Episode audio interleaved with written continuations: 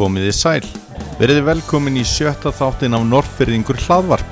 Daniel Geir Móritz heiti ég og gestur minn í dag er Kristinn Vaff Jóhansson. Þátturinn er unnin í samstarfi við Sún. Gjörið þið svo vel. Ég er hér statur á Bakka Bakka 5. Kitty, takk fyrir að taka á mótið mér. Já, velkomin. Og hérna velkomin í, í, í Norrfyrðinga hlaðvarpið. Uh, Mér langaði eiginlega bara svona að byrja því að spyrja þig eins og ég spyr gjarnan viðmælundir mína hvenar þú fer svona fyrst að muna eftir þér hvað þú ert að gera sem ungur pjakkur á Norrferði Já, ég fættur uppalinn innbæðingur á, heitir Tröllavegur en húsið heitir heima, heima hjá mér þar sem að mamma hafði keift þegar ég var fjóður ára gammal, ég manna það nú ekki svo nákvæmlega. Þar, þar bjó hún, mamma og amma mín og við tveir bræður vegna þess að fæður okkar eh, dó þegar ég var þryggja ára. Og þannig er ég aln upp egnar svo annan hálbróðu þegar ég er komin á fermingaraldurinn okay. Jóhann Gretar en Þórður er sem sagt elstur okkar sískin og við erum aldrei upp þannig. Innbæðum, erum miklir innbæðingar og leikvallinu var eins og já, já, fjallið og fjaran Já, og bryggjurnar. Já, þar er maður hennilega alin upp. Og ég fekk töluvert mikið gott uppeldi hjá köllunum við beitningarskólanum og neyðist mjög fljótt að því að vera þar. Fannst það eiginlega skemmtilega heldur en fjallið. Að tala við kallan á og hulsta á það sem þeir sögðu. Jafnvel apa eftir stórirónum í þeim og svona það var, það var það var virkilega skemmtilega tími. Þú, þú segir með svona stolti og sért innbæingur. Já. Og voru þið betri en þeir sem utar voru? Já, við, okkur fannst það sko. Okkur, okkur fannst það við, við um, bárum eiginlega enga, kannski engan kala til útbæðinga en, en sko, útbæðingar voru hinn póllin svo á milli voru svona smá flokkar eins og melabæðingar sko. Það, það brennurnar sem vorum á þessum árum, það voru alltaf einar fjórar brennur í bænum og þá var alltaf slagurinn að það voru verið stærri innbæðingabrennan eða útbæðingabrennan. Já, það vildi nú þannig til að það var það þurfti ofta að fara í gegnum innbæin inn undir þessi gamla fristihúsið og fiskvinnslan og það allt var. Og þar var, þar var meira matfunnustar sem og þar svegna meira ráefni til þess að stela sér í brennutnar sko og við reynd, reyndum náttúrulega að uh, varna þeim þess að þeir kæmust í Aha. og það var oft uh, skemmtilegt. Já. en ég held að við höfum aldrei kveikt í brennunum fyrir hvort fyrir öðrum. Nei, það Fyrir- er um það sem ég ætlaði að spyrja um, Já, ég- það eru svona sögur sem að ganga frá það er til tíma. sögur um það en Já. mér minnir að þetta hafi einu sinni verið gert sko við, við melabæðinga ég, ég, ég minnist það ekki ekki þetta brann, brenna var upp í fjalli og þetta var náttúrulega ekkit smá verkefni, þetta var þetta aðal viðfangsefni ungra krakka svona mest allar desper mánuð Já. að draga á sjálfum sér sko og sleðum ef það komið snjór Mhm. það var þetta var skemmtilegu tími en, en um, svo voru nú bara þessi venjulegu leikir Mhm. þegar við vorum í slábolta til dæmis á, á göttunni fyrir neðan framnes og fáruvelli, fáruvellir eh, mitt hús eða mömmu, Mhm. það stendur semst bara rétt ofan við tekkir þetta ga, fallegt gamalt lítið Mhm. hús. En á net, göttunni fyrir neðan fórum við í slábolta. Og uh, þó að það var í slegið inn eftir í áttuna þar sem að Ólís var Já, og svona ég hugsaði að við gerst nema hálftíma frestið að kerði bílum sko, menn þurfti að hlaupa út af göttunni það var engin umferð. Nei. og sér það ég hef fættu 1934 já, og uh, þetta er kannski á árunni það er milli 40 og 50 skulum við segja sem, sem að maður er að tala um Er þetta beiturskúrðin sem þú ert að tala um, er þeir þá Það fyrir neðan já, ólismökkina og það er stað? já, þeir, sko, neðan já. fyrir neð beitningaskúrinir sem ég var mest var svo kallega krakaskúr Já. sem var beint fyrir neðan tröllanis og fyrir þaðan, stóra, stóra tröllanis beint hann nýri Mhm. Þa, það var svo isti og svo var uh, bensaskúr eða sem drífubensi var með sem var svona uh, 100, 100, já, 50 metrum fyrir utan þar sem þar sem að hérna netgeran er eða var. Fyrir inn, aðeins innar heldur en Capitano hotellið, sláturhúsið. Og síðan var síðan var skór sem að hýjun og munin voru með og ármann að tindum beint fyrir neðan húsið heima þar niður í fjörunni. Já. svo kom skór sem Jósef Halldórsson átti sem var í húsunni fyrir vestan okkur heitir Bifrast og er þarna ennþá þar fyrir innan kemur Sjáarborg og þar fyrir neðan var síðan hús sem stóð neðan með götu sem gett gott upp en búið að rífa það núna. Þar, þar var Stefán Hörskulsson með, með Björgvin sinn bát og Óskar Lárusson var þarna með útgerð og þar voru tveir skúrar í viðbútt þannig að það var nóga skúrum og nóga bryggjum. þú sér það að á þessum árum eru millir 40 og 50 bryggjur eftir strandlengjunni. Já, Svo að það var, og það var eiginlega ekki hættulegt að vera á bryggjan, við vorum auðvitað aldrei í vestum. En, en það var alltaf það voru alltaf einhverjir að vinna á bryggjónum og þetta, þannig að það voru alltaf kallmenn ég hérna var ósjaldan dregin upp úr sjónum já, ok. en það var aldrei neitt. Nei, það var tiltökum leið sko. Já. Og hva, hvað er það sem að e, svona hrífur ungan drenga eða, eða stráka að fara í skúruna og hlusta á kallan? Já, það er náttúrulega bara allt í kringum sjóin er spennandi sko.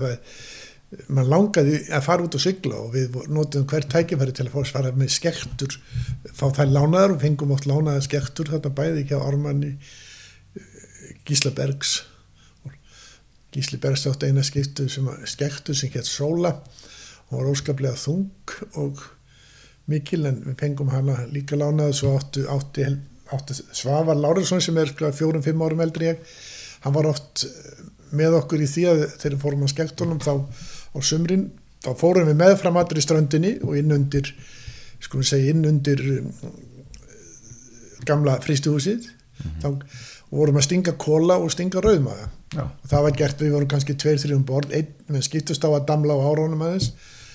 Eh, svo vorum við búin að búa sér út kíki sem við gáttu að horta á nýri sjóin og síðan vorum við með langa, langa eh, bambusstöng og, og stungu kólan og fengum oft í matinn. Það var allt, þetta var eiginlega sko, allt, það var ekkit annað sem var spennandi Nei.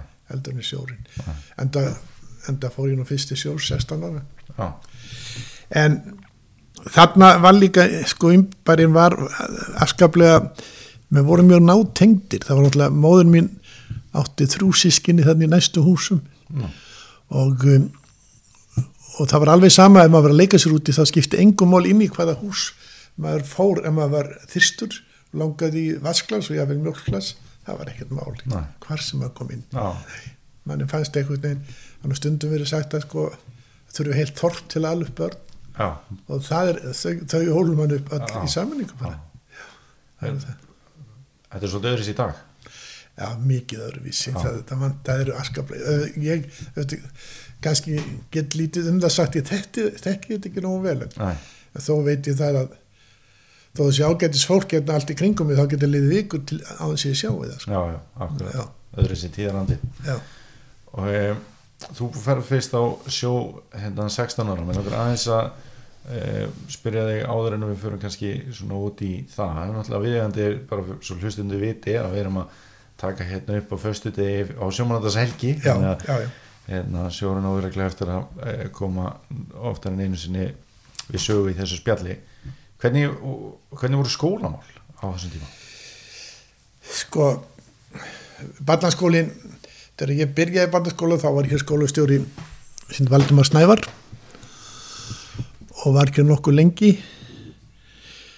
Það var til dæmis fæður Ármar Snævar sem var háskólarektor setna Okay.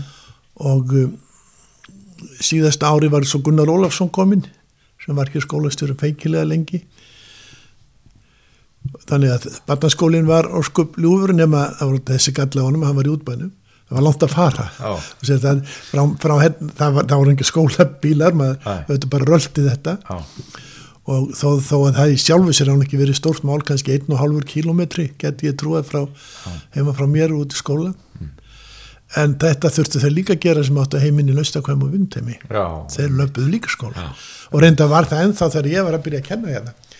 Þá komu þau krakkarnir eh, börn hérna hans eh, Eika í skuld sem bjóð þá að Bjargi. Já, og börn uh, Jóns Einarssonar sem bjóð innanlíðan Östakvami og, og, og björn Sigurbjörn sem, sem var nú úr Nei, Sveinbjörnseg sem kom frá Sandvík bönn hans sem áttu heim inn í vindheimi. Já, þú getur ímyndaðir Já, það lapp í Já. norðaustan hríð eins og var kallað landhríð með slí- slíkasti eins og var vestur.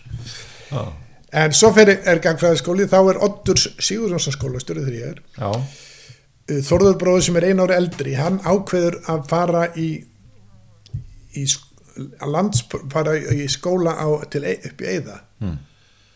og uh, hann var í hér tvo bekki og fór svo upp í þriðja bekka. Mm. og þá þurfti ég náttúrulega endilega að að aðpalt eftir honum já, sem ég gætna gerði. Já, og ég gerði það líka þannig að ég er tvo vetru heimavist á Eiðum Mm. og tek það á landspróf og fer þá á lögarvatt sem þá er að byrja. Þá er, þá er Bjarni Bjarnason eiginlega verið að, skapa þennan skóla lögarvatt, mennskóla lögarvatni ok, og Þórður var reyndar í fyrsta stúdendahóknum sem þaðan útskrifaðist. Já, þeir voru bara tíu, ég er svo í næsta og þá erum við 25 sem er útskrifast. Og við erum öll sem sagt svona landsbyggða fólk Já. og allt saman fólk sem hefði ekki nokkur efni haft á því að fara í skóla ef þessi möguleiki hefði ekki komið upp á. Já, það var, svolítið á Norrfyrringum sem Já. hefur farið Já, þetta gegnum svo eftir ég byrjaði að kenna hérna, eða Þórður og ég Já, og ég byrjaði að kenna hjá Þórði þá reyndum við að reyka mikinn áróður fyrir lögavatn já, þarna voru margir eftir eins og skummi Bjarnar Smári Geirs og, og, og fleiri og fleiri Stína hérna, nei hún hérna Greta Jóns. Margir, margir fleiri að, sem fóru Smári Stengri hverju. Að, það var góður hópur.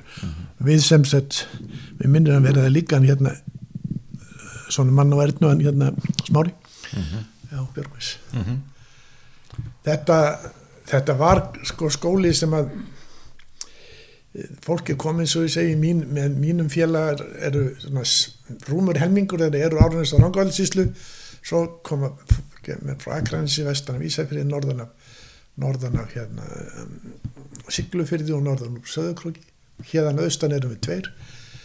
Þessi hópur kom mjög víðað en varð mjög náinn.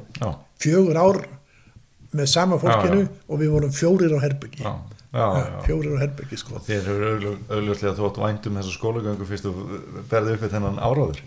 já, svo sannarlega sko, maður fann líka að uh, það er bara helmingurinn af mentaskólanum er, er, er samveran utan Já, kennstundana akkurat. já, það er það ég, ég vissum að það hefur verið uh, þín, þín reynsla líka Mhm. í skóla Já, já, ekki spurning. Margir á manns bestu félögum sem að kynntist inn í verðmenn. Já, já. Og, og, þek, og kynntist ennþá betur sem að þetta aðeins á undan, sko. já, já, já.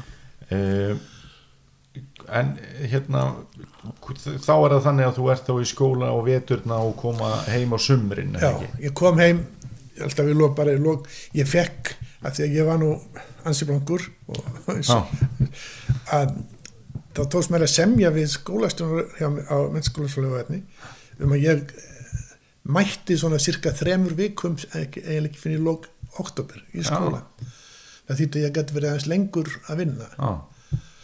Þurftur að sanna þig til að fá þennan samning eða var Já. hann frá byrjun?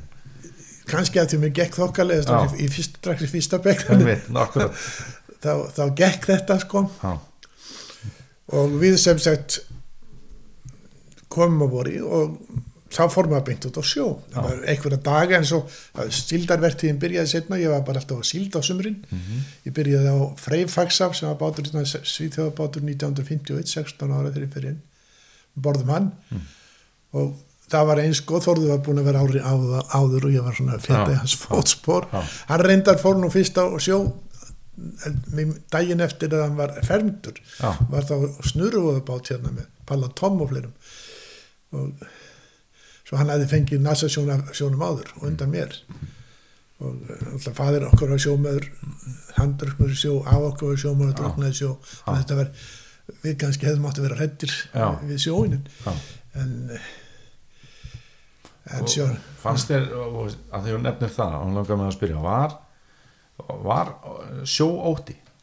nei, Nei, það er svo undarlegt að, að, að það var þessi kannski kannski var, var þessi eh, sko, trú að lífsbarátt væri bara þannig að það þýrði að færa fórnir og Já. það væri, það væri Þetta bara væri að hæfa færa, hafinu fórnir og Já. það væri ekkit við þess að gera það er ekki, það er ekki fyrir að konur stóðu fyrir stofnus slísandi vilja Íslands alveg þegar ég er ánum fjóra-fimm ára með minni að vera 1938 eða 9 Mm. að svona, þá fer smám saman aukast þessi til, þessi hérna, umræð um það að það sé víst hægt að losna við stóran hluta þessum slísum já, þú sér að það var hópur af sjómanni sem druknuði í fjörunni. Já, að þeir kunni ekki að synda. Já, og svo, og svo allt hitt sem var menn voru mjög vannbúnir bæði á smábótunum sem hér voru. Eh, það var, það var, það var kannski flest með áttavita þó ekki allir. En það voru ekki allir með björgunabeltum nei, það voru trúsumra sjómanna. Það var ekki til neins vegna þess að ef að skipi færist þá væri þetta bara til að lengja Já, en, en sem betur fer þá hefur allt þetta gjörbreyst. Já, heldur betur. Já, öryggið voruð allt annað en- já, já. bara viðþorfið en ég fer þarna fyrst og er þarna borðum Freyfarsar sem var bátur sem var rekin hér út sem að hópur manna átti svona einhver fyrirtæki og er þar á síld tvö, e, e, þrjú ára reyndar. Og á höstin tvö setni árin þá eh, fórum við að rekna þetta í hafinu hérna austur í hafinu. Eh, 100-150 mílur austan þar sem við sölduðum síldinu borð.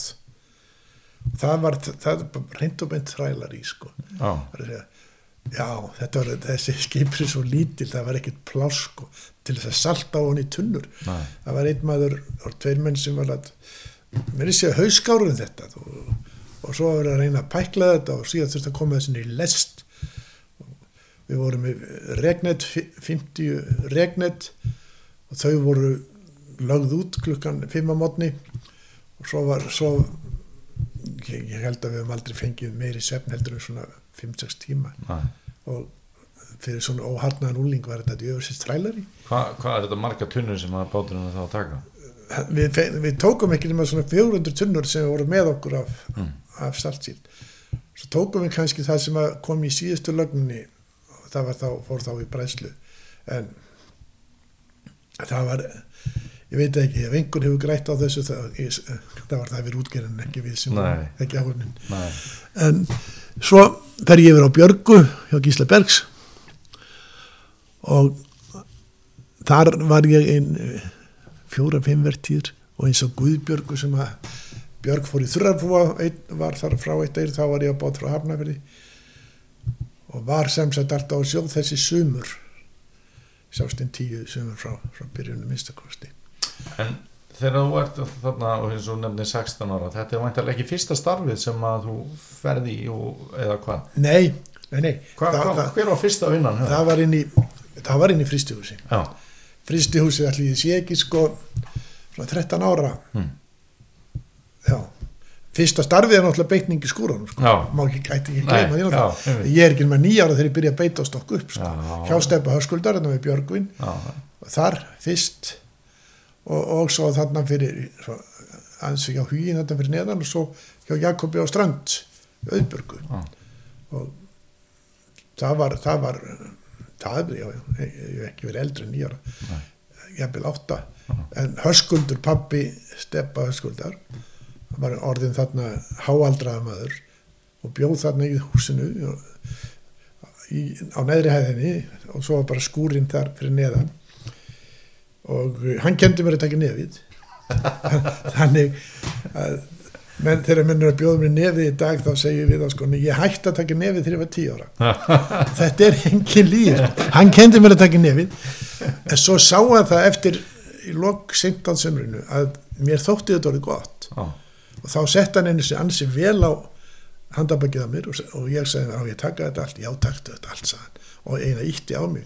Og ég tók þetta allt og, og það var mjög fljótlega sem að ég fór mér frá sundla sko. Og, og ég eh, ég held bara, bara lagði á stað heim. En það sem betur fyrir hún ekki um 100 metrar. En satt var það svo að ég var fann að kalla mömmu áður ég kom að út í tröppunum.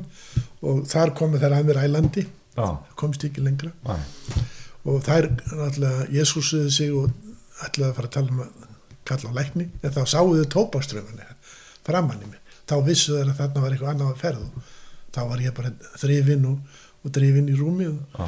síðan hef ég ekki tekið nefn Þetta er alveg frábært. Þetta er Jú, hann var óskaplega svona skemmtilegu maður. Að- Ég veit ekki hvort þú maður þetta er höskuldi hérna húsgagnarsala Já. þetta er afi hans Já, já. Þessi, já. já.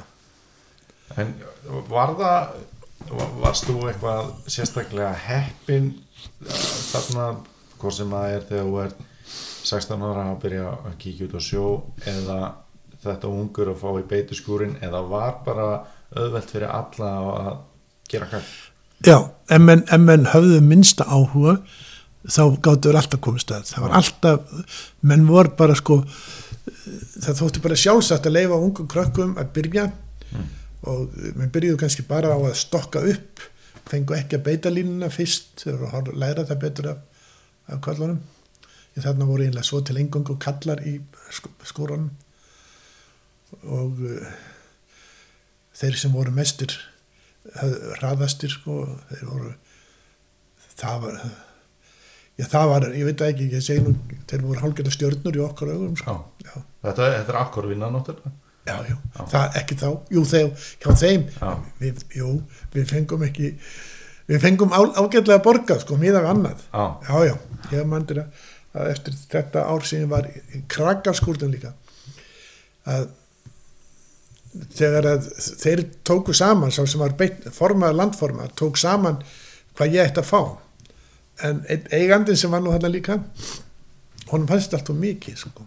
já, en þeir bara sögðu ef, ef þú borgar honum ekki þetta þá erum við ekkert að þá bara, voru þeir konur í stræk sko. já, þetta voru já já, þetta var Steppi Hall sem kallaði var, maður, pappi Jóhannes Stefáns hérna, mhm, ótrúleg hraða be beitingumæður Fridrik Viljansson, móðubróður minn Frissi. Já, og, og Óskar Jónsson sem var, setna var dráttabrættinni, já, þeir voru allir miklir beitningamenn og já.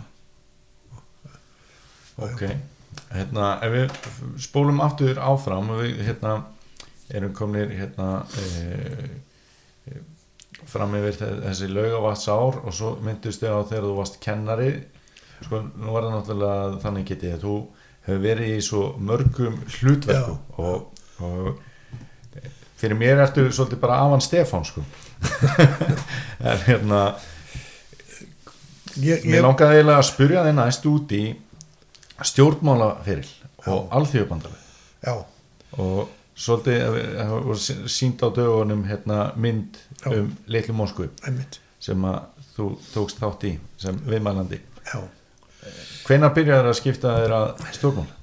sko, þegar ég, þegar ég er búin mennskóla og fer í, í háskóla og læri þar sögu og dönsku og, og, og síðan uppfylgst sálufræði og þá skipti ég mér í leikta pólitík var þó, var þó alltaf sem sagt með þeim sem að vinstra hó, hópnum í háskólanum.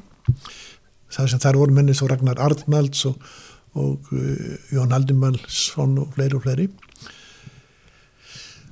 Og uh, síðan var ég að vinna í Reykjavík líka af því að ég hafði svo gamla að spila körubólta, ég týndi ekki að fara strax austur. Ég var, að- var, fór, var mikil hálfgerði sportidjót Mm. nokkur ár Það er kannski að, að með körfuboltan, það er nú skemmtilega staðarind vanandi þig og körfuboltan já, með landsliði. já, ekki ég- allir sem að vita að, að norferingar hafa allir landslismann í körfu. kannski er ég fyrst í Norrfyrringur sem kemst í svona boltalansli, ég veit það ég hef heldur hugsað út í það hvernig kom það til og þú vart var landsliðsmaður í sko körfu?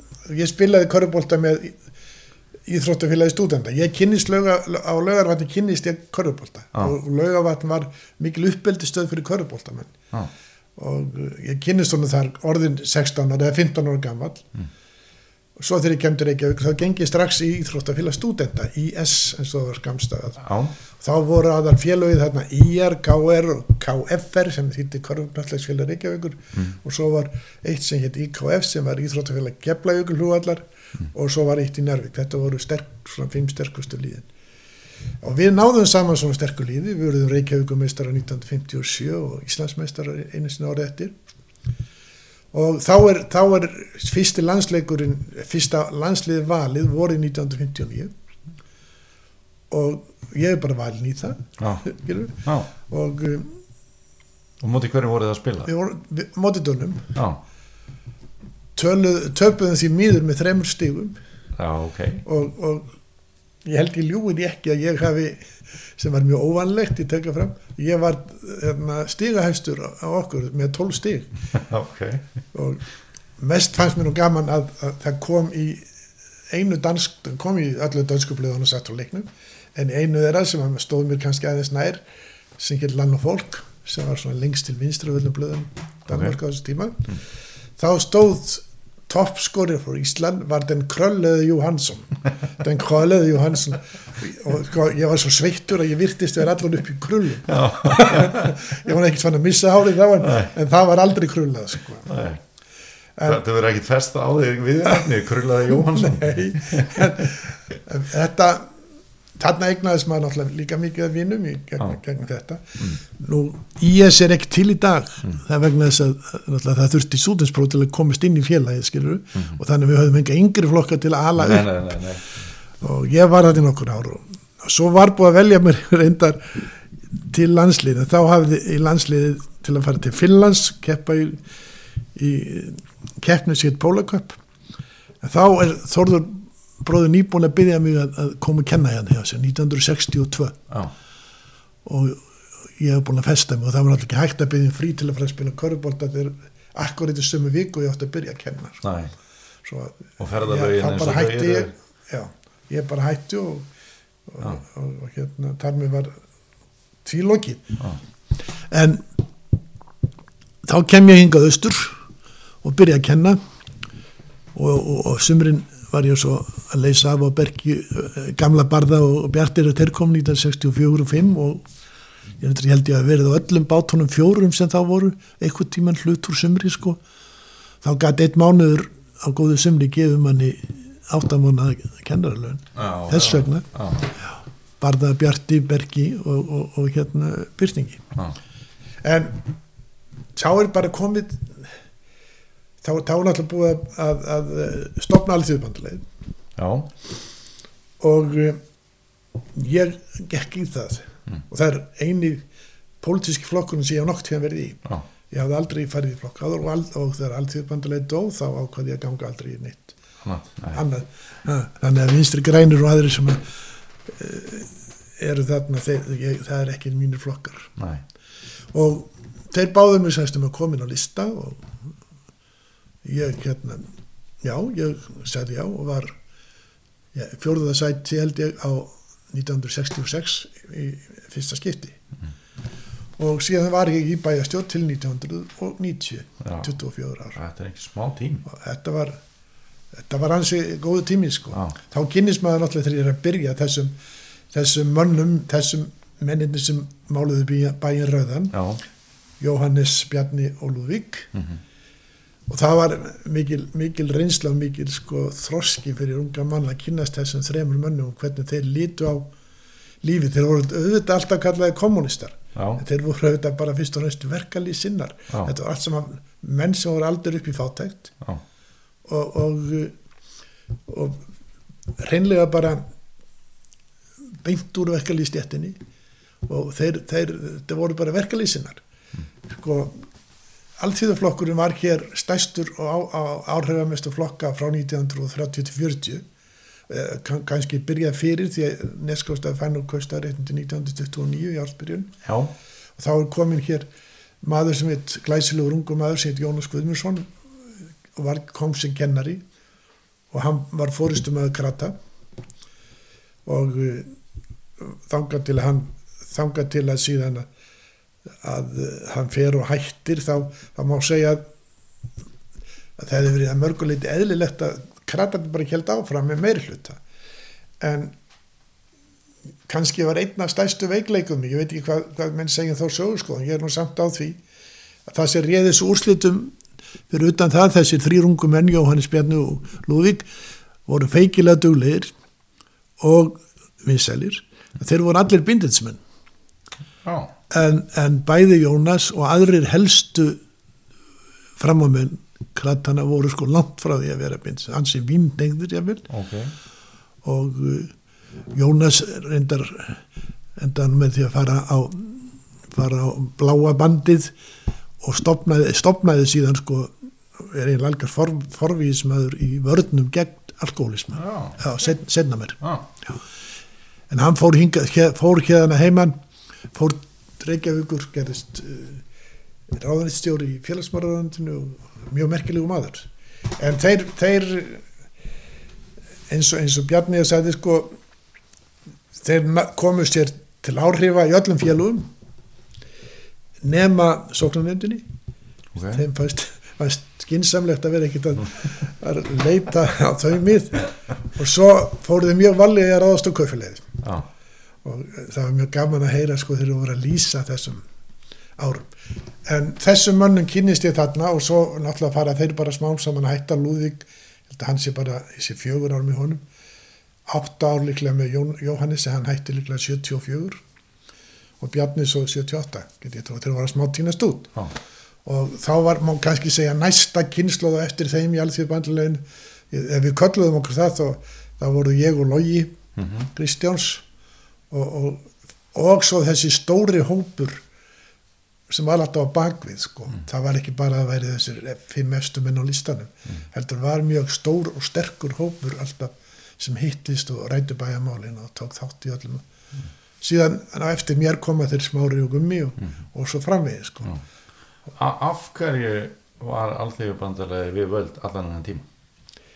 Ég, það er búin erfitt að gefa aðra skýringa á, á því en það að bara kjósendur hafi treyst þeim mönnum sem að buðu sér fram. Því að ekki var það að það væri neitt voldugt fyrirtæki á þessum árum í, í neskostað sem við værim í sko. Ekki að, að menna verið að benda á síldavislun hún alltaf kom fram yfir 1990 þegar hún fyrir eignast peninga í Já. já.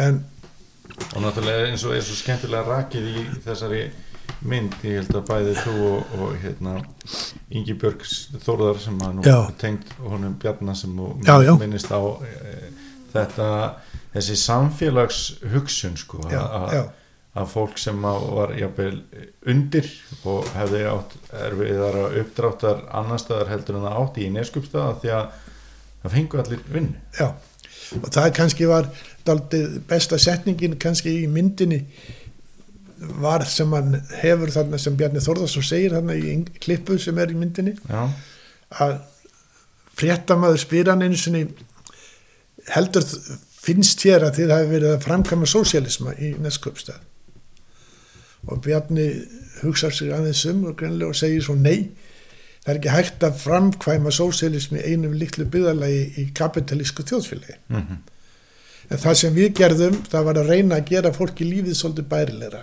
í þessu kapitalíska umhverfi. Einmitt. og það má ganski það, sko, það, það var bara hugsunin að grundvallar gildin voru þetta allir hefðu vinnu og við vorum stundum kallaðir svona atvinnusósialistar eða, eða yðnaðarsósialistar í manni hvar. Það er að segja við lögðum svo mikla áherslu kannski á atvinnu örgið Mm. En kannski vorum við eitthvað á eftir í menningunni. Það má vel vera. En af hverju verða þessi tengsl bæjastjórnar og síldavinslunar svona gríðar? Já, það, það er bara eins og hefur gerst við annar staðar. Að sko menn sem vel ráðast eða veljast til áhrifa. Mm. það er oft þannig að það er hlaðið á það fleiri störfum og en bæjar neskaupstæður átti aldrei neitt, aldrei neitt í síldavinslunar ráði. Mest átti bærin 10% í síldavinslu þannig það var ekki bæjarfélagið hafði ekki þar að segja sko. Nei. Þetta voru bara heldur, sömu það heldur voðalega margir já, það voru bara sum mennir. Já, og þannig eru tengslin. Já, en, en, en bærin hérna það var viljandi hjá okkur að bærin átt að einbeita sér að því að reyna að koma upp þokkalegu félagslegu kerfi hvort sem að það var til dæmis þetta með atvinnuna eins með leikskóla og, og skóla og, og svo framvegis. En síðan áttu félagsamtök e ekki bærin heldur félaga samtök að, að standa að atvinnu uppbyggingunni þess vegna eru stofnuð félög um síldafinsluna og, og félög um dráttabrönduna þar sem útgerðarmið voru nú mjög framalega og svo framvegis. Og þar völdust þessir menn til áhrifa. Jóhannes er valinn frangöndustjóri í Sún strax eða reyndar var annar maður síðan Ármann Eiríksson á undanum Jóhannes sko Jóhannes var síðamistari bæjarstjórnar. Ok, og þú veist að, að, að þar, þar sem eru þeir sem eru forseta bæjarstjórnar Jóhannes var þannig maður að að það þurfti alltaf að vera á hreinu með hvern, hvernig átt að gera hund hvernig átt að taka á móti einhverjum höfðingin sem komu, Já. hvernig átt að gera þetta og svo framins eitt af því sem við gerðum strax að það var samþýtt í bæjarstjórn að bæjarstjórn mætti ekki bera ekki veita áfengi í veislum. Ok. Og ég myndi þegar Víti Svingbóðadóttir kom hingað ný, nýjórðin fórseti og við byggðum henni auðvitað í mat að ég útskýrði það fyrir henni sko að, að því að ég var þá fórseti bæðistöðan að ég, hún fengi hjá okkur bara kalt vatn úr krana því að, því að við hefðum ekki bæjastöð lefði ekki að það búið fram vín og hún var volið að hrifin af þess ah, ok, þessari já, já. en ég til, má eiginlega til með að segja sko með Jóhannes eina litla sögu. Já, hann, hann um, eins og ég segi Jóhannes var afskaplega eftirminnilegur og skemmtilegur maður. Hann, hann var mjög sko áhuga saman um fólk. Sumum fannst að koma fram í einhverju forvitni það var ekki, það var ekki forvitni hann var bara svona umhyggjusamur í eðlisínu og uh, ef það kom einhver ókunnugum maður í bæinn það voru náttúrulega ekki fullt af ferðamönnum á hverjum degi. Ef að Jóhannes sá þá ekstra á förnum vegi þá vek hann sér alltaf að þeim og sagði hverra mann er þú góðu minn? Eða eitthvað slíkt. Og egnaðist alltaf margir menn sem hitt setna sem sagði þeirra kom til Norrfjörð það er að þið hitt Jóhannes Stefánsson Já. hvað hann hefur elskulegur en þegar ég var búin að vera fjögur ár ef, eftir ég tók við af honum sem bástu bara eittunar þá hittust við í samkvæmi og sátum við borð nýri eilsbúð og uh, það er spjallaðum allan uh, heim og geima. Og svo segi ég við hann Jóhannes, hvernig finnst þér að ég hef staðið í þessu hlutverki sem þú ert búin að gegna svo vel lengi. Og hann náttúrulega eins og ég segi kurtis maður og svo taldi nú bara ansi margt í góðu lei en segir svo, horfir svona á mig og segir, það er samt tvent Kristinn sem að ég ætti ég, já, mér langar til að benda þér á fyrst þú talar um þetta segir og ég segi, já, það er gott að fá góð ráð. Og í fyrsta lei þú þyrftir að mæta svolítið oftar við jarðaferðir já, já. Og ég ég hérna, þá fór ég að hugsa út í það það var alveg rétt hjá hann, ég mætti bara við jarðaferðir fólks sem ég þekkti. Já. en þarna nú var ég fórst í bóinstunnar og ég átti að mæta við allar jarðaferðir já, og frá því, þar til 1990 þannig í allavegin 12 ára eftir það þá mætti ég við hverju einustu jarðaferð já, sko það var skilda okkar flokkslega skilda okkar að mæta alltaf við alla viðburði sem að voru sko eitthvað á vegum bæjarinn sko sem hljómleikar Já. og, og allt annað, þá, þá urðum við að mæta. Já, bara að það væri kurteisi sko. En já, já, ég segi við já, þeir, þeir, ég, skal, ég skal lofa þér því orðsmenn þessu, bæ, ég bæt úr þessu. En hvað er hitt?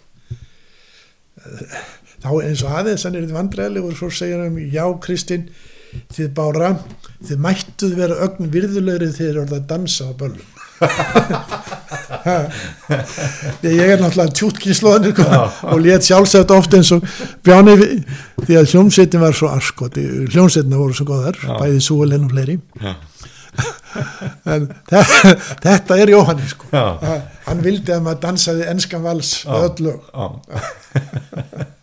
þetta er alveg frábært það er eitt hérna Nú, ein saga með alþjóðu bandalagi ég hef hérna ég hef spurt Smára Geirsson út í það ég notaði þessa sögu þegar ég var að læra skjápandi skrif í hérna háskólanum. Þá hérna áttu fengum við verkefni þar sem við ættum að nota e, sögu sem að væri ekki endilega rétt eða væri svona deilda meiningar um.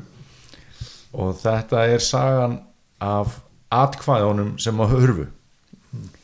Þegar að hérna eru kostningar hérna og Já. það stendur að jöfnu tali fyrir opnu húsi og böndin bárist setna að Hjörlefi Guttum sinni að þessi atkvæði hefur verið allt í hennu horfið þú manst vantarlega eftir þess Já, já, ég maður vel eftir þessar tal, talningunir í Eilsbúð sko. hvernig, hvernig var bara þessi talning og þessi stund og hvernig var er talið aftur og bara getur þú farað þessi sko, yfir þetta? Það vantaði aldrei neitt atkvæði. Nei, Nei.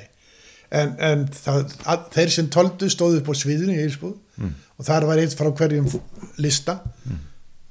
Það voru talningamennir og svo menn sem fylgdust með frá hverjum öllum listum. Já, og og hérna Eithor eiginlega bar þá hjölif hann hefði stungið einu atkvæði vasa og sko það er náttúrulega nokkuð sem hjölif Guttormsen hefði aldrei hug. Æ, en en, en um, svo, svo svo er talin öll atkvæðin og það, það var, vantaði ekki neitt atkvæði sko. en hins vegar var hins vegar hérna var munnaði bara einu atkvæði hvort meiri hlutin heldi já, Já. og uh, svo var reyndar ég man ekki það var talið aftur þá minni mig alltíðu flokkurinn sem hafi verið inni með tvo yrði bara með einn. En sko þetta gæti aldrei skipt það kom ljós að það gæti aldrei skipt meiri hlutan heldur var það að þetta væri frá framsókn eða frá alltíðuflokknum já, já, já, ok.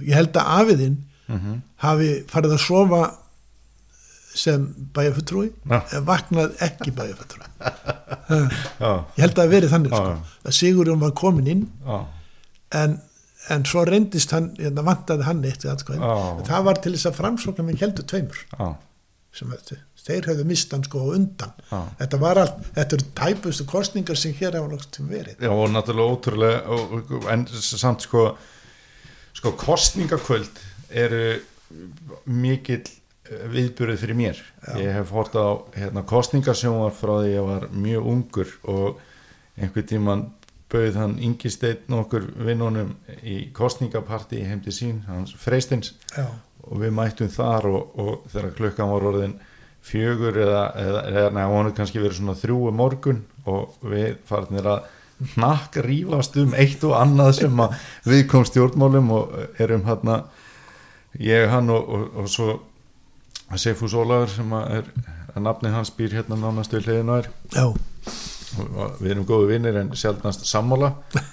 Og að e, sko það er rosalega mikil stemning að horfa á kostningasjónvar finnst mér. Já.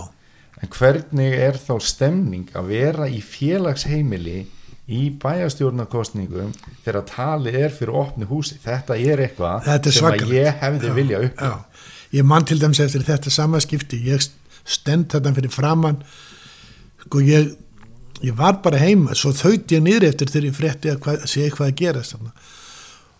Og ég stóð, það voru tveir menn stórir og myndalegir menn og uh, ég vil nú helst ekki segja það upp átt, ekkert mál. Hverju það voru, en, en hérna annar mjög harður sjálfstæðismæður og hinn mjög ha- harður allaballi og sko bringunar voru alveg að snertast hjá þeim og, og, og þeir svona eins og hanar hvort framann í aðrum þannig ég var að ganga á milli Já. og þetta var ekkit einstæmir Æ, það var rosalega mikil spenna maður, maður fann alveg rafmögnandi í. Já. en sko mesta spennan sem að ég hef upplifað það var að fara hérna á, á opjum fund þá náði ég því að vera ég var, man ekki hvað ég var gammal þegar Pétur nokkur Óskarsson mætti Já, að fruma yfir liðinu sem var mjög gaman að, að vera vitna því að hérna, hann náttúrulega lét til sín taka og var náttúrulega nálega til líka þannig laga í setnaskiptið 94 ef ég mann rétt. Þegar, að- þegar að hérna já þá er ég hættur. En 90 síðaskipti er þá sko þá ætlaði hann að fá hann fekk bara fimm atkvæði þá. Já, Bjarni Þorðarsson sagði mitt við hann Pétur minn við fáum fleiri bæjarfuttur og heldur þú færði hann. og það er eins reynd við fengum sex bæjarfuttur og þá hefði verið með fimm áður. Já. hann fekk fimm atkvæði. Já. en svo bara næst þá munaði bara örfum Já. ég man eftir því. Þannig að þetta hefur verið mikil En, stemning. en það var en þessi stemning var náttúrulega fyrst og næst bara bundin við kostningarnar og um, það var yfirleitt mjög góður friður í bæjarstjóninni sko Já. og uh, eftir, áður fyrr sko, ég er búin að heyra margar sögur af því að, og ég var reyndar eftir því að hafa verið komið á bæjarstjóna fund hérna 1962 þá voru þeir inn í sjómanastofunni þannig fyrir innan og, og um, þá, þá satt Jóhannes sem, far, sem fórsti bæjarstjónur og fundarstjóri og fyrir endan á borðinu og það var svolítið hækkun upphækkun. Og svo sattu þarna andstæðingar og þeir voru einlega komnir inn á mitt borð með höfuðin sko í rifrildinu og hann þurfti að segja strákar, strákar, látið ekki svo Já, já, og það var alltaf strákar, strákar það voru einlega aldrei konur. Hva, við, Sigrún Þormór kom með okkur og, og við reyndum nú meira. Já, en auðvitað var þetta ég veit ekki, þetta er náttúrulega voru svo karlæg þær, þær þeim, þeim leið ekkit vel í þessum hvernig sko þessi pólitík var rekin nei. þetta var eiginlega, ég held að þetta hafi verið of persónulegt yfirleitt í þessu stöðum en mennur komir yfir það núna Já. Já. Já, en samt, þú veist að, menn þurftu að geta eh, svona tekið það ímislegt á sig sem að, sem að þeim hug kannski bara þótt erfiðara já. Og þetta er náttúrulega líka kannski áhugavert að hafa ekki verið meira um þetta hér, það sem að vinstriflokkur Já, er svona An, Anna Jónsdóttir var einn sem var búin að vera áður í alltíðbandalæginu og þeir voru alltaf að reyna við að fá konur. Og þeir bara vildi ekki fara sko, inn, inn í östu sætin á listanum heldur. Nei. en, en það, þær höfðu sína skýringar á því að, að umhverfið væri, væri svona. Já, ég mann sinni var ég mann eftir sko framsókn var einu sinni með Ingi Björgu, já, einu konu. Og kannski gleymi ég einhverjum, svo var það að koma þannig alveg í lokin þegar ég er hættur. Svo náttúrulega Stella hún, hún náttúrulega- Stella er, er, er þarna alveg í lokin, já, Já. alveg, hún er þá alveg í lokin. Já, og með, með, og Gilvi Gunnarsson og Stella. Já. Hvernig hefur þér fundist e, talað um þessa valda tíð Þess, þetta, þetta eru 50 ára ekki? Jú, þetta eru meiri sé að meiri sé að rúm 50 ár. Já, en já, og þetta er öruglega sjálfgef bara hvar sem litið er niður í heim, heiminum. Menn það tala mikið um það sko þegar maður hittir, ég til dæmis að því ég var nú í vetur, mestallan vetur vestur í Stíksólmi, það er vetur setu þar og fór oft í heita potta á modni dags einstaklega og þá konum fólk sem að hafði ekkit þekkt mig neitt eh, eftir fyrir það sá myndin um litla morsku þá fór það að, einmitt að tala um þessa tíð já, og bera sama við þessa tíð hjá þeim. Já, og kannski var munurinn ekkert svo rosalega mikil þar var sjálfstæðisflokkurinn í, í yfir 40 ár, einn í meiri hluta sko. já, Já.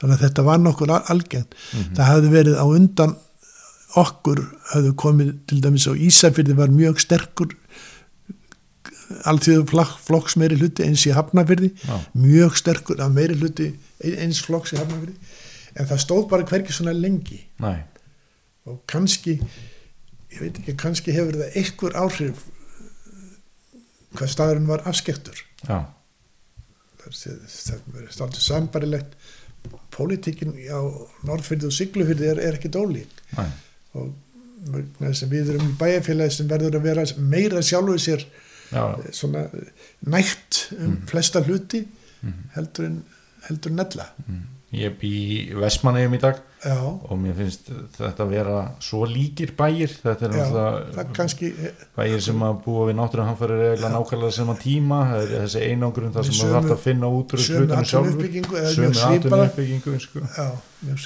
að hérna, það mér ekkert rosalega mikil viðbriði að flytja þangað sko. en, en það hefur náttúrulega verið líka veist, einhverja svona e, svona neikvæðinis rattir að þetta hafi verið svona heilu fjölskyldurna sem hafa kannski bara ráðið. Þú þekkir þetta náttúrulega betur en ég hefur ég er náttúrulega komin úr- fengið á þig alls konar í gennum tíðina. Já, ég, ég get hann ekki tekið undir að það verið heilu fjölskyldnur, ég veit ekki einlega hvaða ég held að við var skaplega lítið skildir hver öðrum sem voru þarna með mér í bæjastjóð mm -hmm. Ég man ekki eftir að ég hef átt neitt frænda nefn bara í minni já, þegar ekki vegna þess að, að mín ætt sem hann kölluð hefur verið hátúnsættin ég held um, ell- ell- ellefu eða tól börn, já, alls ískinni ég held að minnst að kosti tíu að þeim hefur verið harður franskrumenn já, ok. Já, þannig og já, reynir var nú reyndar furðu oft um, greiti afskaplega oftar einu sóka atkvæði með meðlutan já, en hann var þetta sannur sjálfstæðismæður Já. ég held að auðvitað, auðvitað má alltaf sko vera þegar menn er að velja menn til starfa þá, þá kann vel að vera að það byggir stundum á því að þú þekkir eitthvað þú veit, veist að hann er svona með eitthvað af þeim eiginleikum sem þú ert að leita og kannski svipaði hugsan og þú ert með sjálfur mhm, að þá er það kannski sjálfur ekkit, það er ekkit óeðlegt að þú veljir uh, mann sem er með sömu pólitísku skoðanir. Já, allavega, allavega velur ekki, ég held að gera það enginn að velja viljandi hardan andstæðing nei, til starfa. Nei, Nei. en en þetta er Stella kemur nú að því einmitt þetta hún fór nú, fór nú til Reykjavíkur sem, sem fulltrú okkar verkalýsfélags oftar en einu sinni á, á fundi. Og en starfið í bæjastjórn var, var var mjög gefandi á margan vegu en við vorum alltaf blankir. Já, og í, í sveitarfélagi sem er byggjar á sjávarútvegi sem er náttúrulega sveiflukendur atvinnuvegur mhm, þá verður líka mikla sveiflur í tekjunum en, en svo kemur kannski á móti að það var auðveldar að skuldsetja sig á tíma þegar að engin lán voru verðtrið já, Já.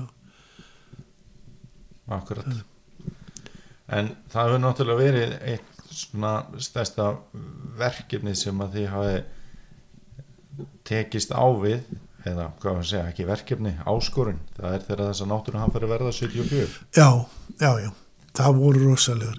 Það voru svakalega erfiðir tímar og það náttúrulega, hvað, það hvernig, hversu vel þó tóst til er fyrst og næst bara að þakka samstöð allra. Mhm. Við heldum engin spurt eh, um pólitík á þeim tímum. Nei, Hins vegar fengum við aldrei það sem við áttum að fá því sem okkur var lofað. Það er að segja, síldafinslan var rosalega skuldug eftir flóðin, eða eftir uppbyggingun eftir flóðin ok, vegna þess að við fengum ekki það sem við áttum að fá samkvæmt lofurðum. já En, hvað, þá bætur eða já, tryggingar eða já svoleiðis? bæt, trygging, er svo bætur, ekki Já, tryggingar. Það já. er komu, það sem átt að koma það, það var allt í lægi. já, En því var raun og verið lofað í bæði ræðuríti af ráðherrum og, og hérna talsmannur ríkistjórnarinnar Mm. að tjónið yrði bættar tjón á vélum og tækjum sem fór í fyrir en það var langt frá því að það yrði Mm. Mikið af því sem keift var í staðin var gamalt og svo fræðist já, en, en hérna ég held að eh, allir, allir sem að rifja upp þessa tíma sko þeim það er náttúrulega fyrst og fremst annars vegar þessi þessi ömulegi að, að, viðburður og, og, og sorgin sem fylgdi á eftir. Mm. Og svo hinum megin þessi samstaða. Það er einhver erfiðast stund sem ég lífað æfinni það var stundin í Egilsbúð þegar að útfórin fór fram og kisturnar allar Mhm. á gólfinu fyrir fram að sviðið. Mm. það var rosalega erfið ég dáðist mikið af prestinu, þetta er ungumæður prestur og, og, og reyndar Sigrún Þormór sem var meðhjálpari. Þau, þau alveg ég hef ekki viljað að verið þeirra sporum sko. Nei, og hann, ég mann bara ekki dattur með nafnið á hann, hann, hann, hann er dáinn, já, dáungur akkurat. Já, ég, það voru mig líka, ég Já. hefði getað sagt örugglega. já ég, ég vanur það, sko. þetta kemur, já, ég segi alltaf að það kemur eftir kortir Já. Já, en um, með þetta sko, ég er fættur 1985 og ég var í kennara háskólanum með Draupnirúnari sem að já, hlustendur kannast nú öruglega flesti við, hann er fættur 1976 og við vorum einu sinni í, í kennara háskólanum í samfélagsfræði að ræða um svona hitt og þetta og bara svona sögu staða. Og okkur finnst við báðir mun eftir þessu. Já, skilur, Já. þetta er eitthvað neginn og ég held að, að þau myndist á já, Vestmannegar, ég held að margir muni eftir eldgósinu sem voru ekki fættir þegar það var Já. veist, þetta er eitthvað neginn já, já.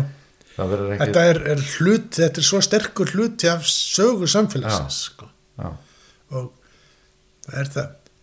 Þetta er svona, já ég get alveg skilið það. Maður þekkir það sjálfur að, að þegar maður að hugsa man ég þetta er raun og verið úr æskun já, stundum kennst maður að eiga það, það bara, maður er búin að heyra þetta svo oft. Já, að manni fannst það maður hefði upplifað. Já, akkurat. Uh, kannski sem við megi spyrja bara svona aðeins í loki með þetta svo ætlum við að venda hvað okkar í kross. Manstu hvað það varst þegar þú heyrðir af þessu? já, ég man það mjög vel. Ég var heimarindar en hjá mér voru þrýr menn í vinnu. Allt menn sem átt að vera inn í breslu já, ok, og þeir voru að gera við kyndinguna og ég var búin að býða eftir í einhverja daga og alltaf íta á þá að koma og og hérna svo kom þeir hennar dag. En hefðu verið inn í præðslu ella, já. Já, það er mikið mildi að þeir kom ekki fyrst heldur betur með þér þetta er Þetta mennir sem Freysteinn Þórensson og Freyst nafnið minn Kristinn præðstjóri já, kom þarna líka. Já, já, þetta er þetta er, já. Herðu, ég hérna, heyrði nú í honum Eisteini sín einum til þess að fá bara hérna, eina sögu staðfesta.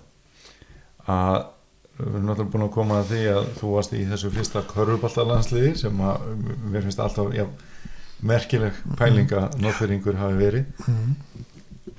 en þú og Þórður bróðin þið tókuð þátt í þorskastriðan já, já, já. Hvernig?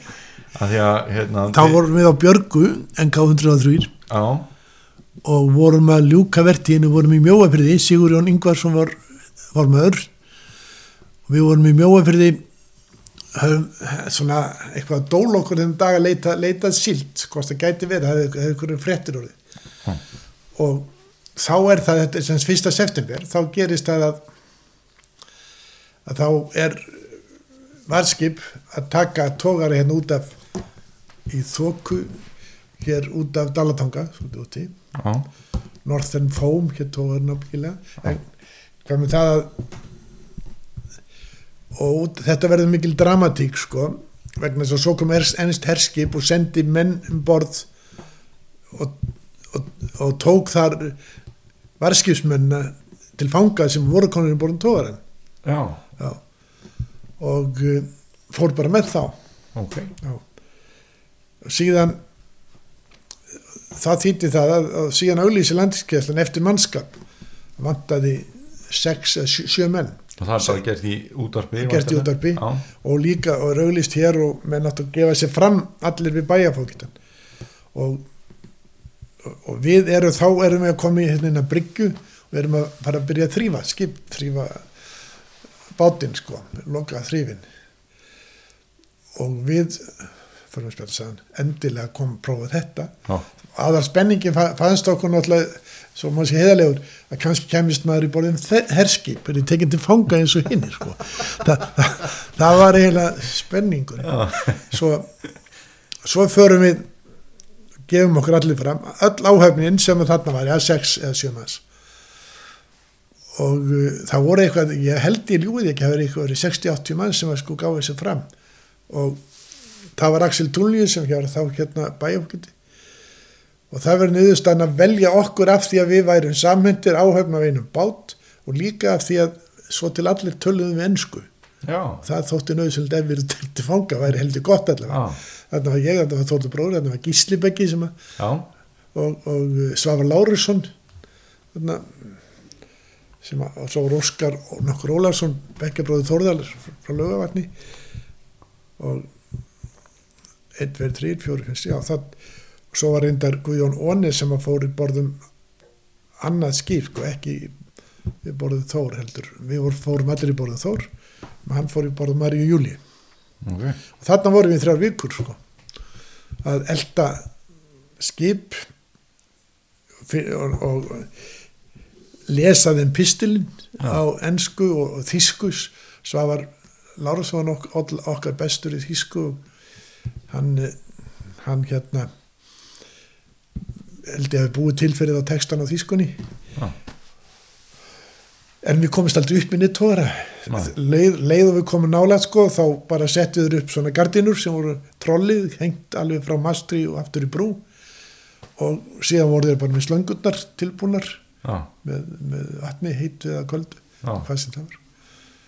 Þannig að hvaða ári er þetta? 1958 þetta er þeirra útfærslan í 12 miljur já, og, og þetta er fyrsta stóra útfærslan. Já, þá var Lúður Jónsson hérna sjáartsröðara Mm.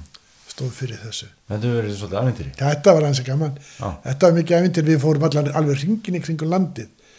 Og við þurftum að fara til Reykjavíkur einhver hluta vegna og, og þar var stopp í frá því seinfærið eða miðjan dag og þá til morgun eftir við áttum að mæta. Og ég bjónu í Reykjavík þegar það var sko og, þannig ég gæti farið heim til konunar og, já, og svo ákvæmum við að fara, að fara allir í Þórs hérna í Þórskafum kvöldið sem var þá vinsalist í ballstæðurinn já, og þegar við komum þar þá er hann mikil stór, stór býðröð og allt fullt segir þá er einhver sem að segir að við séum sjáum að Þór, varskipin Þór. Þá var bara allir, allir býðröðin ítt til hlýðar Já. og hetjur hafsins leittar inn. Já. því að það blöðin voru fulla því sko að varskipin væru hetjur hafsins á þess, þessum tíma. Og við, á, já, við fengum borð og allt saman, þá var allt orðið fullt. Og þetta var svona eitthvað ljósupútonur já, svo fórum við alveg vestur fyrir land inn í Jökulfyrði að reyna að fjalla okkur vegna þess að eitt af, af herskipunum fylgdi okkur algjörlega eftir hringir í Jökullandi en við urðum aldrei fyrir sko sömu árásum eins og þeir urðu segna í 50 milna út, útfærslunni. Já. Og já, Hva, í, og í hverju voru þær árásir fólkina þegar þeir, talaði um að keirðu þeir bara hreinlega keirðu á sko. Já, þeir voru með stóra dráttabrátas Mhm. líka og keirðu á og reyndu að, að sökva afræðskipunum já, já, en það var aldrei reynd við okkur. Nei. en þeir þá verðandi skipstjóri á, Þór sem var Eiríkur Kristoffersson sem var reyndasti skipstjóri landingskeflunar þá.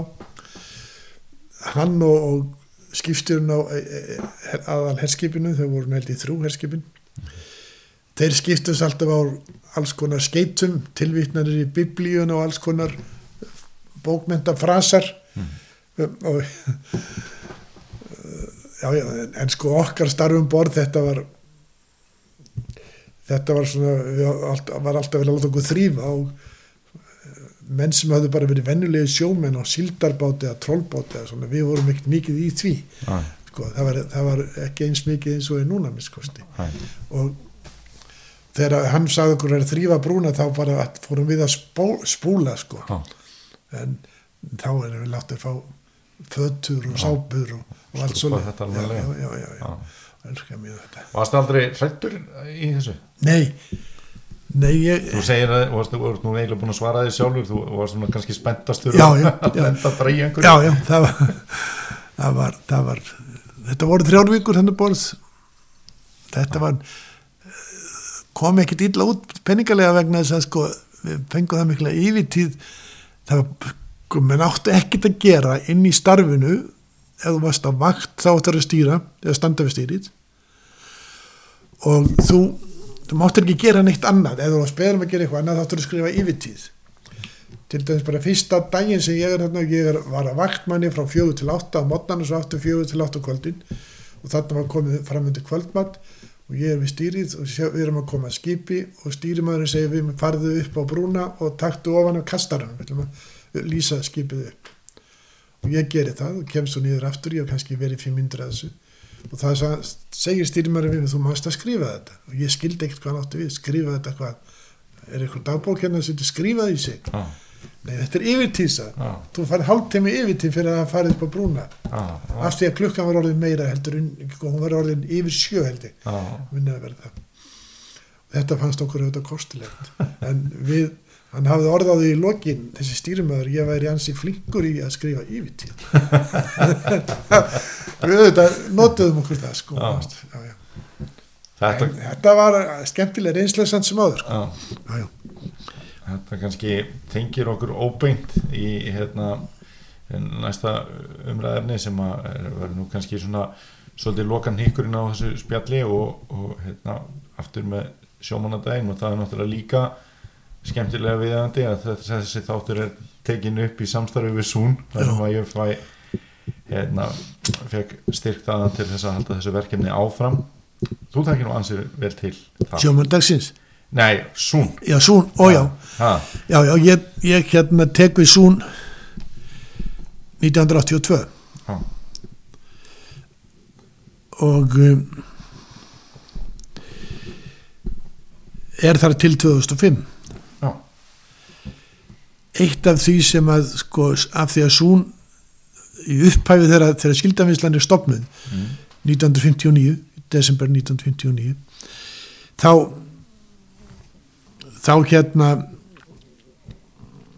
er Sún stæsti hlutafi, langstæsti en og var það lengi vel og var það þarna meiri síðan þá við erum meiri hlutaðilar í sildavinslinni þess vegna fylgdi það mínu starfi að vera stjórnaformur í Sún en, en fyrst þegar ég kem inn þá er Jóhannes ennþá í stjórninu og stjórnaformaður og ég tek ekki við stjórnaformaður sko fyrir árið eftir 80, 83 líklega. En þá er ég með, er ég stjórnarformaður þangað til rétt áður ég hætti algjörlega að vinna Sún þá er, þá er hérna Þorsteinn Már mm Baldvinsson, þá er samherji orðin langstæsti eigandinn sko. Já, og þá tekur hann við. Ástæðan til þess að við auðvitað mistu þennan meiri hluta var að síldavinslan byggist feikilega hratt upp. Við byggjum þessa bræslu, við byggjum fáum okkur ný skip, við byggjum þetta glæsilega fiskiðuverð sem byggt var já, og það gast þú ekkert gert nema að hafa peninga. næ, Og það voru tvær, tvær leiðir til þess. Það var leið náttúrulega að fá lánu böngum en það sjávarótsfyrirtæki, það var ekki auðvelt fyrir sjávarótsfyrirtæki að fá lánu á. Hitt var að, að uh, bjóða út hlut, hlutafjö Mhm. og gefa fleiri kost á því eignast hlut í félaginu því þá ert að fá peninga til framkvæmda sem var að margarlátt ódýrari heldur en dýr bankalán mér að segja mm og við gerum það og, og hlutafjöð þá er farið að ganga það vel 1990 og 23 mm, að um, það er, er áhugi á á hérna hlutum að eignast hluti sún. Og þá smá mingar náttúrulega hlutur sún vegna að sún hafði enga möguleika átti enga peninga til að kaupa hlutabrif næ, heldur voru það, voru það aðrir aðlar til dæmis áttu eimskip á tímabili mjög mikið uh, og setna koma svo samherri kefur miklu setna inn og, og gjögur þessi félag sem eru stærst í dag. Já, en það er þannig sko ég stundu lík, líkti við að ef það er ef það er hérna ef, ef það fer á dansleik og ef það er svo dömufrí þá ræður þú ekki alltaf við hvernig þú ert að dansa. Næ, þú ert búin að bjóða upp í dans með því að fara inn á hlutabriða marka já, já, og, og það er bara þeir sem að kaupa sem að þú verður að verða þínir dansfélagar. viðskipta félagar, dansfélagar sko.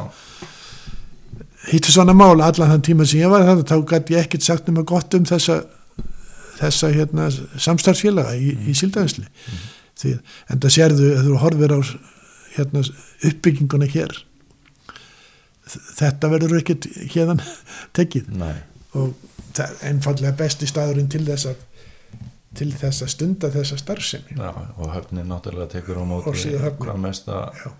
afla á landinu. Hún er verið núna tvöru röð haf, já, já, en auðvitað getur það haft áhrif að núna náttúrulega bara slóðmenn sem eru auðvitað mikið högg. Já, en, en sko síldavinsla stendur beturleitur margir aðrir vegna þess að við eigum líka mjög góðan bolfiskvota mhm, og stóran kvota í makril þannig að og kolmuna.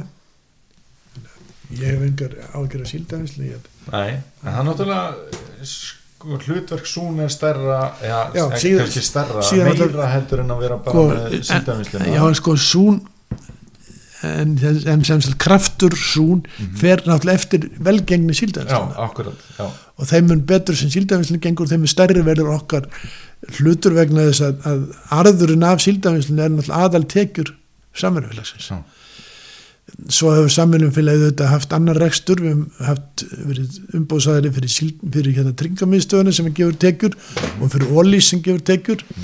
En, verslun. en, en verslunin verslunin hefur nú kannski að sumuleiti verið eh, samfélagsleg þjónusta Já. vegna þess að hún kannski rétt skrimtir. En okkur finnst bara að, að, að íþróttur sé- séu svo mikilvægar í samfélagun í dag að það sé skipti máli að hafa svoleiðis verslun í já, á staðnum sko. og ég hef þá trú að, að, að,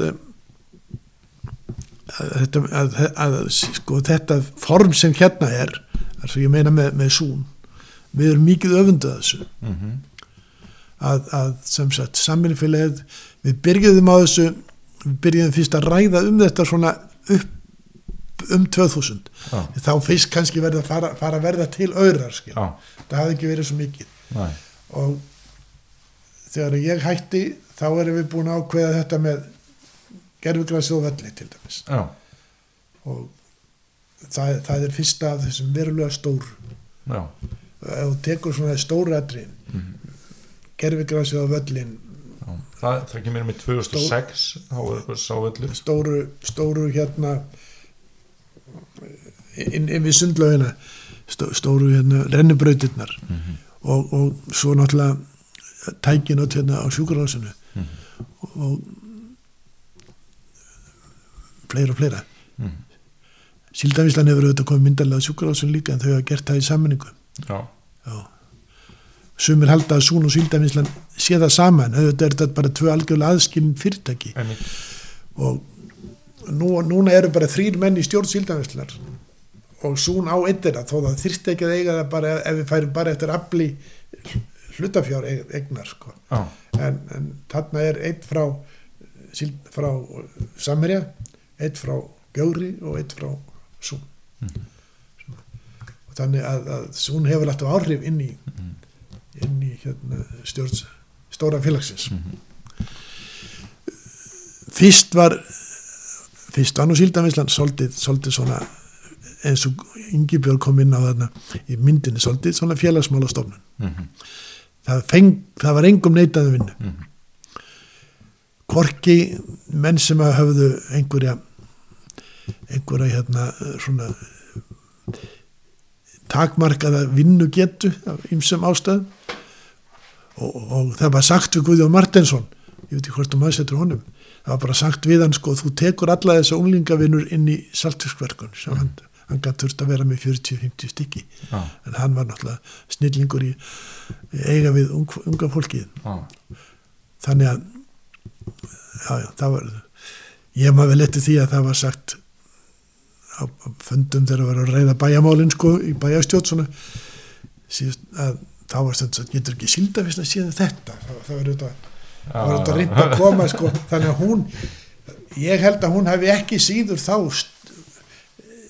verið með samfélagslega ábyrgð. Næ, kannski gekk hún stundum á langt í samfélagslega ábyrgðinni já, af því að það var, var, var lítið af penningunum já, en, en ég tel hún síni það nú en mætti hins vegar að mínu viti með fullri virðingu fyrir öllu sem að síldanislan er að gera í dag þá hefði ég fundist að hún ætti að sína aðeins meiri samfélagslegri ábyrð í, í sambandi við uppbyggingu bæði íþróttalífs ok og annars svona uppeldislegs það aðra annar uppeldislegra þátta í Mm. samfélaginu Mm. mér finnst þeir mættu alveg kíkja til þess já, Já.